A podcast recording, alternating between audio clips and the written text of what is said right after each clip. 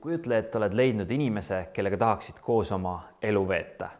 Te jalutate rannas, kallistate tugevalt, räägite juttu varajaste hommikutundideni, armute ja abiellute. aga aastad lähevad mööda ja ühel päeval argielu rutiinis sa jõuad autoga koju, istud veel hetke autos ja tabad end mõttelt. tegelikult enam seda tunnet ei ole. armastus on otsas. mida sina sellises olukorras teeksid? Minu nimi on Valdur ja olen üks 3D koguduse liikmetest. me oleme praegu seerias nimega Püsi suhtes. ja eelmises osas rääkis Siim teemas, teemal, et miks üldse pühenduda. tänase kõne pealkiri on Kui tunnet ei ole. suhted võivad püsida mitmetel põhjustel, sõprus, majanduslik seotus või lihtsalt harjumus koos olla. aga ma usun, et enamus meist on nõus, et parimate püsivate suhete tõeline alus on armastus. see on kindlasti nii romantiliste suhete puhul, aga arvan, et sama kehtib ka laste ja vanemate, lähedaste sõprade ja Jumala ning inimeste vahelistes suhetes. ja võib-olla oled eelmises osas räägituga nõus ja arvad, et püsivad suhted on midagi nii väärtuslikku, et eh, tahaksid nende poole püüelda. ja kui usud nagu mina, et kõige olulisem püsisuhte alus on armastus, siis kuula edasi. tahan koos sinuga mõelda, et eh, mis see armastus siis ikkagi on ja kuidas see aitab meil püsivaid suhteid saavutada. mis on armastus? selline hea lihtne teema, mida järgmise neljateistkümne minutiga läbi võtta kas armastus on tunne? suur hulk inimesi arvab, et armastus ongi see, see tunne. Need on need ilusad liblikad sinu kõhus, mis suure naeratuse su näole toovad, kui mõtled temale. see on see tunne, mis annab sulle võimsamad tiivad kui Red Bull ja sa oled valmis vallutama siis kõige kõrgema mäe, et su armastatav võiks lihtsalt õnnelik olla ja taustaks kõlab loomulikult Michael Bublé Everything. ja muidugi võime sama asja vaadata ka biokeemilisest vaatepunktist see on see tunne, mis tekib, kui su hüpotaalamus sinu ajus hakkab rohkes koguses dopamiini tootma. see on see tunne, mis tekib, kui vabaneb suur kogus noradrenaliini, mis koos dopamiiniga muudavad sind energiliseks, tuisupäiseks ja võimalik, et isegi eufooriliseks. ja samal ajal siis frontaalsagara aktiivsus väheneb, mis vastutab meie pikaajalise planeerimise ja otsuste tegemise eest. söögiisu väheneb ja uni kaob, armastus on lihtsalt nii suur ja sarnane efekt tekib inimestele, kui nad ka kokaiini tarbivad. võib-olla see ongi armastus. sellega on ainult üks probleem. see saab kuue kuu pärast otsa.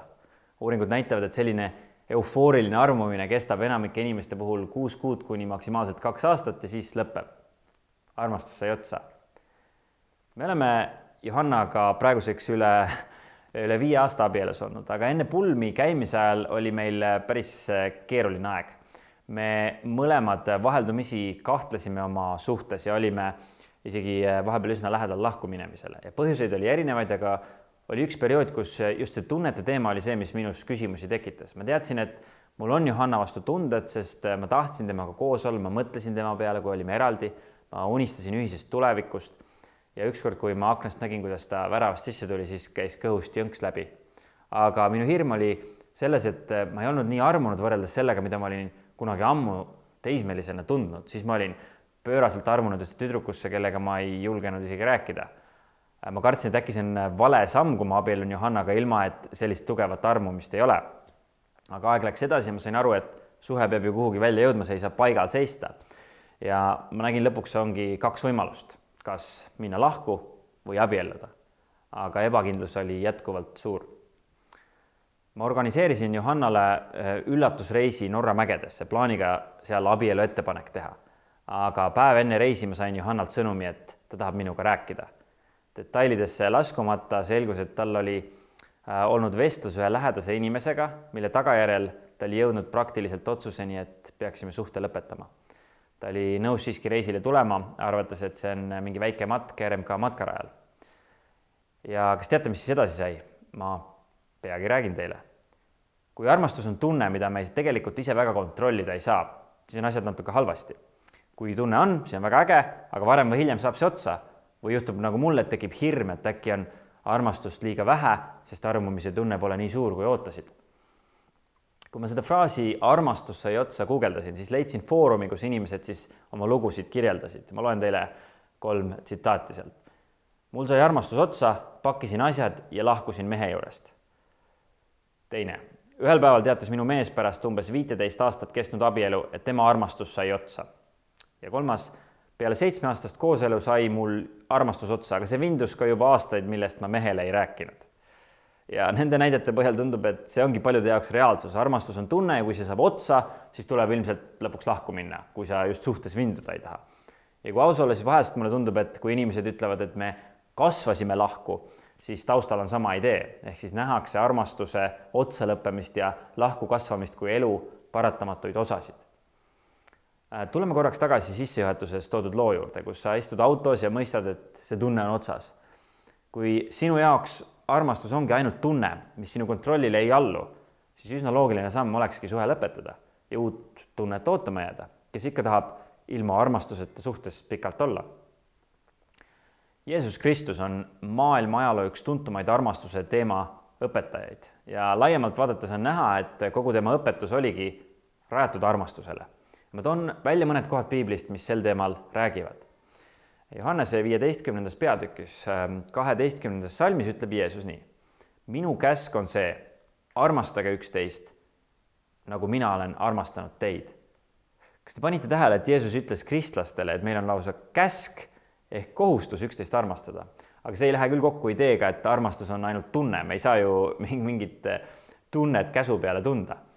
Ähm, loeme ühe koha veel Luuka kuuendas äh, peatükis kahekümne seitsmendas salmis ütleb Jeesus, kui ma ütlen teile, kuid ma ütlen teile, kes kuulete, armastage oma vaenlasi, tehke head neile, kes teid vihkavad. Ja see läheb nüüd päris keeruliseks, sest vaenlast nähes me, vaenlast äh, nähes meil ju küll mingit nunnut armastuse tunnet kõhus ei teki, et võimalik, et mingi jõnks käib kõhust läbi küll, aga see võib pigem vihaga seotud olla. et see tähendab, et Jeesuse arvates on armastus midagi enamat kui lihtsalt tunne ja viimaks loeme, mida Paulus Jeesuse järgijana armastuse kohta ütles Efeslaste viiendas peatükis, kahekümne viiendas salmis. mehed, armastage naisi, otse kui Kristus on armastanud kogudust ja loovutanud iseenese tema eest. Ja ma usun, et siin peitub võti, mida Jeesus veel armastuse all mõtleb. Paulus toob siin näite, kuidas abielu suhtes armastus peaks välja nägema. mehed peaksid Kristuse eeskujul armastama oma naisi. ja milline see eeskuju oli? salmi teisest poolest võime lugeda. otse kui Kristus on armastanud kogudust ja loovutanud iseenese tema eest. Jeesus lihtsalt ei tundnud mingi sooja armastuse tunnet inimeste vastu, vaid ta tegi midagi. Ja mitte lihtsalt midagi, vaid ta tegi ajaloo suurima armastuse teo, ta andis oma elu meie pattude eest, et meie võiksime olla vabad patust. Jeesus läks ristile ja suri selleks, et sinul ja minul oleks võimalik olla Jumalaga püsivas suhtes Johannese viieteistkümnendas peatükis kolmeteistkümnendas salmis ütleb Jeesus, ei ole suuremat armastust kui see, kui keegi annab oma elu sõprade eest. ja siit me näeme, et armastus ei ole ainult tunne, see on ka tegu. Ja mulle tundub, et tänapäeval ajavad inimesed pidevalt segi arma, armumise ja armastuse. tunded tulevad ja lähevad, aga armastus on midagi enamat kui keemiline reaktsioon ajus. ja võib-olla seda kuulates sa mõtled, et kas tunded on siis kuidagi ebavajalikud või halvad. et äh, see ei ole kindlasti äh, minu sõnum, Jumal on kinkinud meile tunded ja sellepärast nad on väga head. probleem tekib siis, kui oma otsuseid ja suhteid rajame ainult tunnetele. kuna nägime, kuidas äh, tunded ei ole kunagi lõpuni püsivad, on sel viisil vähetõenäoline, et saavutame tähendusrikkad ja püsivad suhted. üks hea, üks hea viis, kuidas tundeid enda jaoks näha, on võtta neid kui sõnumeid, mis ütlevad midagi selle olukorra kohta, kuhu me oleme sattunud. et kui sa istud seal autos ja tunned, et tunnet ei ole, siis mõistad, et midagi peab ette võtma. aga nüüd, teades, et armastus on rohkemat kui tunne, avanevad uued võimalused. ja kui avastame ennast olukorras, kus tunded on jahtunud, siis üks võimalus on tuletada meelde seda aega, mil tunded olid veel tugevad. piiblist näeme näiteks, kuidas psalmides pidevalt meenutatakse Jumala armastuse tegusid, mis toob südamesse tagasi tänu ja armastuse tundeid praegust teemat kokku võttes oleme jõudnud järelduseni, et armastus ei ole ainult tunded, vaid on ka teod. see on juba suur saavutus, sest nägime, et on palju inimesi, kes seda teadmist enda elus ei ole avastanud ja see teeb püsivate suhete hoidmise väga raskeks. Äh, huvitav on isegi see, et seitsmeaastane tüdruk Nele teadis seda juba ammu. ta ütles nii, et armastus on, kui sa ütled poisile, et sulle meeldib ta särk ja ta kannab siis seda iga päev tubli Nele, see ongi armastus. kui sa tead, mis teisele meeldib ja teed seda selleks, et talle rõõmu pakkuda, siis väljendad armastust. isegi siis, kui pead seda vana, juba ammu haisevat särki neljandat kuud kandma ja tegelikult see hea tunne särki selga pannes on ammu kadunud, aga sa teed seda siiski, sest sa tead, kui väga see sinu kaaslasele meeldib. okei okay,, ilmselt praktikas on nagu paremaid armastuse tegusid, kui igavesti sama särki kanda. ma olen äh, pulmafotograaf ja olen aastate jooksul kinkinud rohkem kui kahesajale paarile ühe raamatu ja selle nimi on Armastuse viis keelt, autoriks Gary Chapman. ja ma toon mõned näited enda elust, kuidas need armastuse keeled aitavad meil armastuse tegusid teha ning seeläbi püsivaid suhteid luua. Ja võimalik, et sa oled armastuse keeltest varem kuulnud ja tekib kiusatus järgnevaid mõtteid nagu kõrvust mööda lasta. aga ma palun proovi neid näiteid kuulates mõelda, mida saaksid just sina praktiliselt teha, et enda lähedastele armastust näidata just neile kõnekas keeles esimene armastuse keel on tunnustavad sõnad. see on äh, minu jaoks armastuse emakeel. kui inimesed ütlevad, et ma olen midagi hästi teinud, siis see pakub mulle hästi suurt rõõmu, et tunnen ennast armastatuna. Äh, Johanna on õnneks selles väga hea, nii et ma tunnen ennast tihti armastatuna. Äh, kuna olen märganud, et see on paljude teiste jaoks ka oluline, siis mõni aeg tagasi ma proovisin endas juurutada just ühte harjumust. nimelt iga kord, kui märkan, et keegi on midagi hästi teinud siis teen enda poolt selle väikse armastuse teo ja ütlen talle, et äh, et mida ta hästi tegi ja ma proovin spetsiifiline olla, sest et see on kõnekam kui selline üldine mingi kompliment.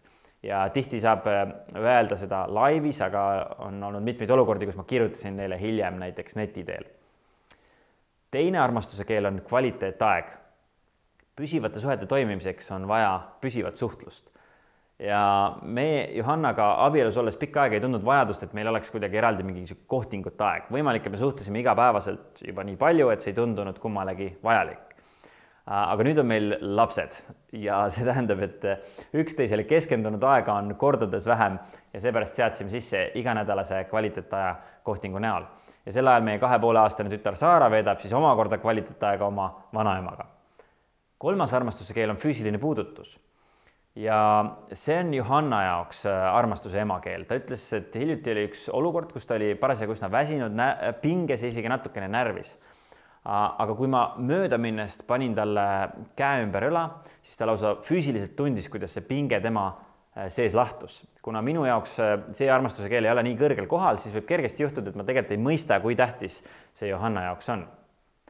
neljas armastuse keel on praktiline teenimine varem ei mõistnud Johanna, et eh, miks mõned seda nii tähtsaks peavad. Tema jaoks eh, näiteks need kodused majapidamistööd nagu mingi koristamine, söögi tegemine tulid tal nii loomulikult välja ja ei nõudnud nagu mingit pingutust. Eh, kuni siis sündis laps ja siis teine. et pärast seda me tegime pererutiine ümber ja mina hakkasin tegema hommikusööki, õhtuti kodu koristama ja see oli Johanna jaoks väga tähendusrikas siis, sest lapse kõrvalt oli see ise väga raske teha ja pakkus palju rõõmu, kui mina neid asju tegin ja viies armastuse keel on kingituste saamine, kingituste tegemine.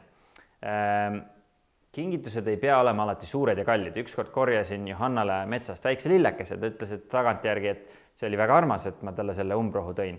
ja kingituste teemaga tuleb meelde ka üks lugu, mis näitab, et kuidas võib juhtuda, kui sa ei tunne teise inimese armastuse keeli. Äh, nimelt mul oli üks sõber, kellel oli jalgratas pikka aega katki olnud ja ma mõtlesin, et kingitusena ma lasen selle korda teha ja kui siis enda arust oma suure heateo avalikuks tegin, näitasin talle, et ratas on korras, siis sai sõber hoopis pahaseks ja ma arvan, et probleem oli selles, et ma tegutsesin tema teadmata tema rattaga, tal oli mingi oma plaan selle kordategemisega, aga mina sekkusin tema ellu ilma luba küsimata. õppetund, õpi oma sõprade armastuse keeli tundma, enne kui sa tegutsed. me nägime, et armastus ei ole ainult tunne, vaid see on ka tegu, aga kas siis see ongi kõik, kas see ongi armastus? meie lugu Johannaga läks edasi nii, et me sõitsime Tallinnasse ja läksime lennuki peale, kaks segaduses noort, ühel küll kihlasõrmus taskus, aga tegelikult ebakindlus südames. Johanna sai peagi aru, et eh, tegu ei olnud matkaga äh, RMK matkarajal nagu alguses arvatud, sest me sõitsime Riiga, sealt edasi Norra, matkasime üles mööda kuuesaja meetri kõrgust Breikenstoleni mäge. Ja iga natukese aja tagant tegime pause, et südamest palvetada Jumala poole, et mõista, mida oleks õige edasi teha meie suhte osas jõudsime tippu ja mõne aja pärast seal olles sain aru, et kui me tahame bussi peale jõuda, mis meid tagasi ööbimiskohta viiks, peame lähiminutite jooksul hakkama tagasi liikuma. kätte oli jõudnud hetk, mil ma pidin otsustama, kas teha abielu ettepanek või mitte. ma palusin Jumalalt abi, võtsin julguse kokku, laskusin põlvili, et küsida see küsimus. Johanna mõtles seitse sekundit, mis tundus olevat mu elu pikimad seitse sekundit ja ta ütles jah. Ja sel hetkel me tegime otsuse kihluda, et abielluda ja armastada teineteist rohkem kui teisi inimesi. ja see on otsus kogu eluks. jooksime mäe pealt alla ja mina nutsin nagu beebi. ja sel loobil ma tahan esile tuua armastuse kolmanda olemuse. armastus ei ole ainult tunne ja tegu, vaid see on ka otsus. kui me olime otsuse teinud, mida hiljem pulmast teiste ees kinnitasime, siis see oli tohutult vabastav. Endised ebakindlused, hirmud said kõrvaldatud, sest otsus oli tehtud. ja tasub tähelepanu, tähele panna, et armastuse tegusid tegime ka enne otsust, aga otsus oli see, mis selle armastuse lõplikult kindlaks muutis. ja meie elus äh, võib juhtuda olukordi, kus tunnet ei ole, aga pole ka seda jõudu, et teha neid armastuse tegusid ja siis tasub mõelda, mis juhtus kaks tuhat aastat tagasi, kui Jeesus Kristus oli oma jüngritega samuti ühe mäe otsas ja pidi tegema olulise otsuse. aga see otsus ei puudutanud kahte inimest, vaid see puudutas tervet inimkonda, sealhulgas sind ja mind. ta pidi otsustama, kas minna surma kõigi inimeste, ka sinu ja minu pattude eest, et võtta see karistus enda peale ja avada igale soovijale võimalus püsivaks suhteks Jumalaga ja uskuge mind, sellist toredat tunnet ristile suremise idee osas Jeesus, Jeesusel tol hetkel kindlasti ei olnud. tal oli väga raske ja ta palvetas, et minu isa, kui see on võimalik, siis möödugu see karikas minust. ometi ärgu sündigu nõnda, nagu mina tahan, vaid nii, nagu sina. koguja raamatus on öeldud, et Jumal on pannud inimesse südamesse igavikku. ma usun, et see on üks põhjus, miks meil on tõeliselt püsivate suhete järgi soov. elu karm reaalsus on see, et lõpuks meie lähedased või me ise sureme. ainult Jumalaga koos elades võime kogeda suhteid, mis ei lõppe surmaga, vaid kestavad igavesti. roomlaste kirjas on öeldud, et sest ma olen veendunud, et ei surm ega elu, ei inglid ega peainglid, ei praegused ega tulevased, ei väed, ei kõrgus, ei sügavus ega mis tahes muu loodu suuda meid lahutada Jumala armastused, mis on Kristuses Jeesuses, meie issandas armastus ei ole ainult tunne, ainult tegu või ainult otsus. mulle meeldib, kuidas keegi selle ühte lausesse sõnastas. armastus on otsus, mida toetavad teod ja saadavad tunded. armastus on otsus, mida toetavad teod ja saadavad tunded. seega, kui sa istud seal autos ja tunnet ei ole, siis tea, et kõik ei ole läbi. meil on alati võimalus teha otsuse armastada ja seda tegudega kinnitada. ja päris tihti tulevad siis tunded samuti tagasi nüüd on võimalus sul mõelda enda suhete peale ja kui osaled kogukonnas, siis järgnevate küsimuste abil tänast teemat mõtestada. aitäh kuulamast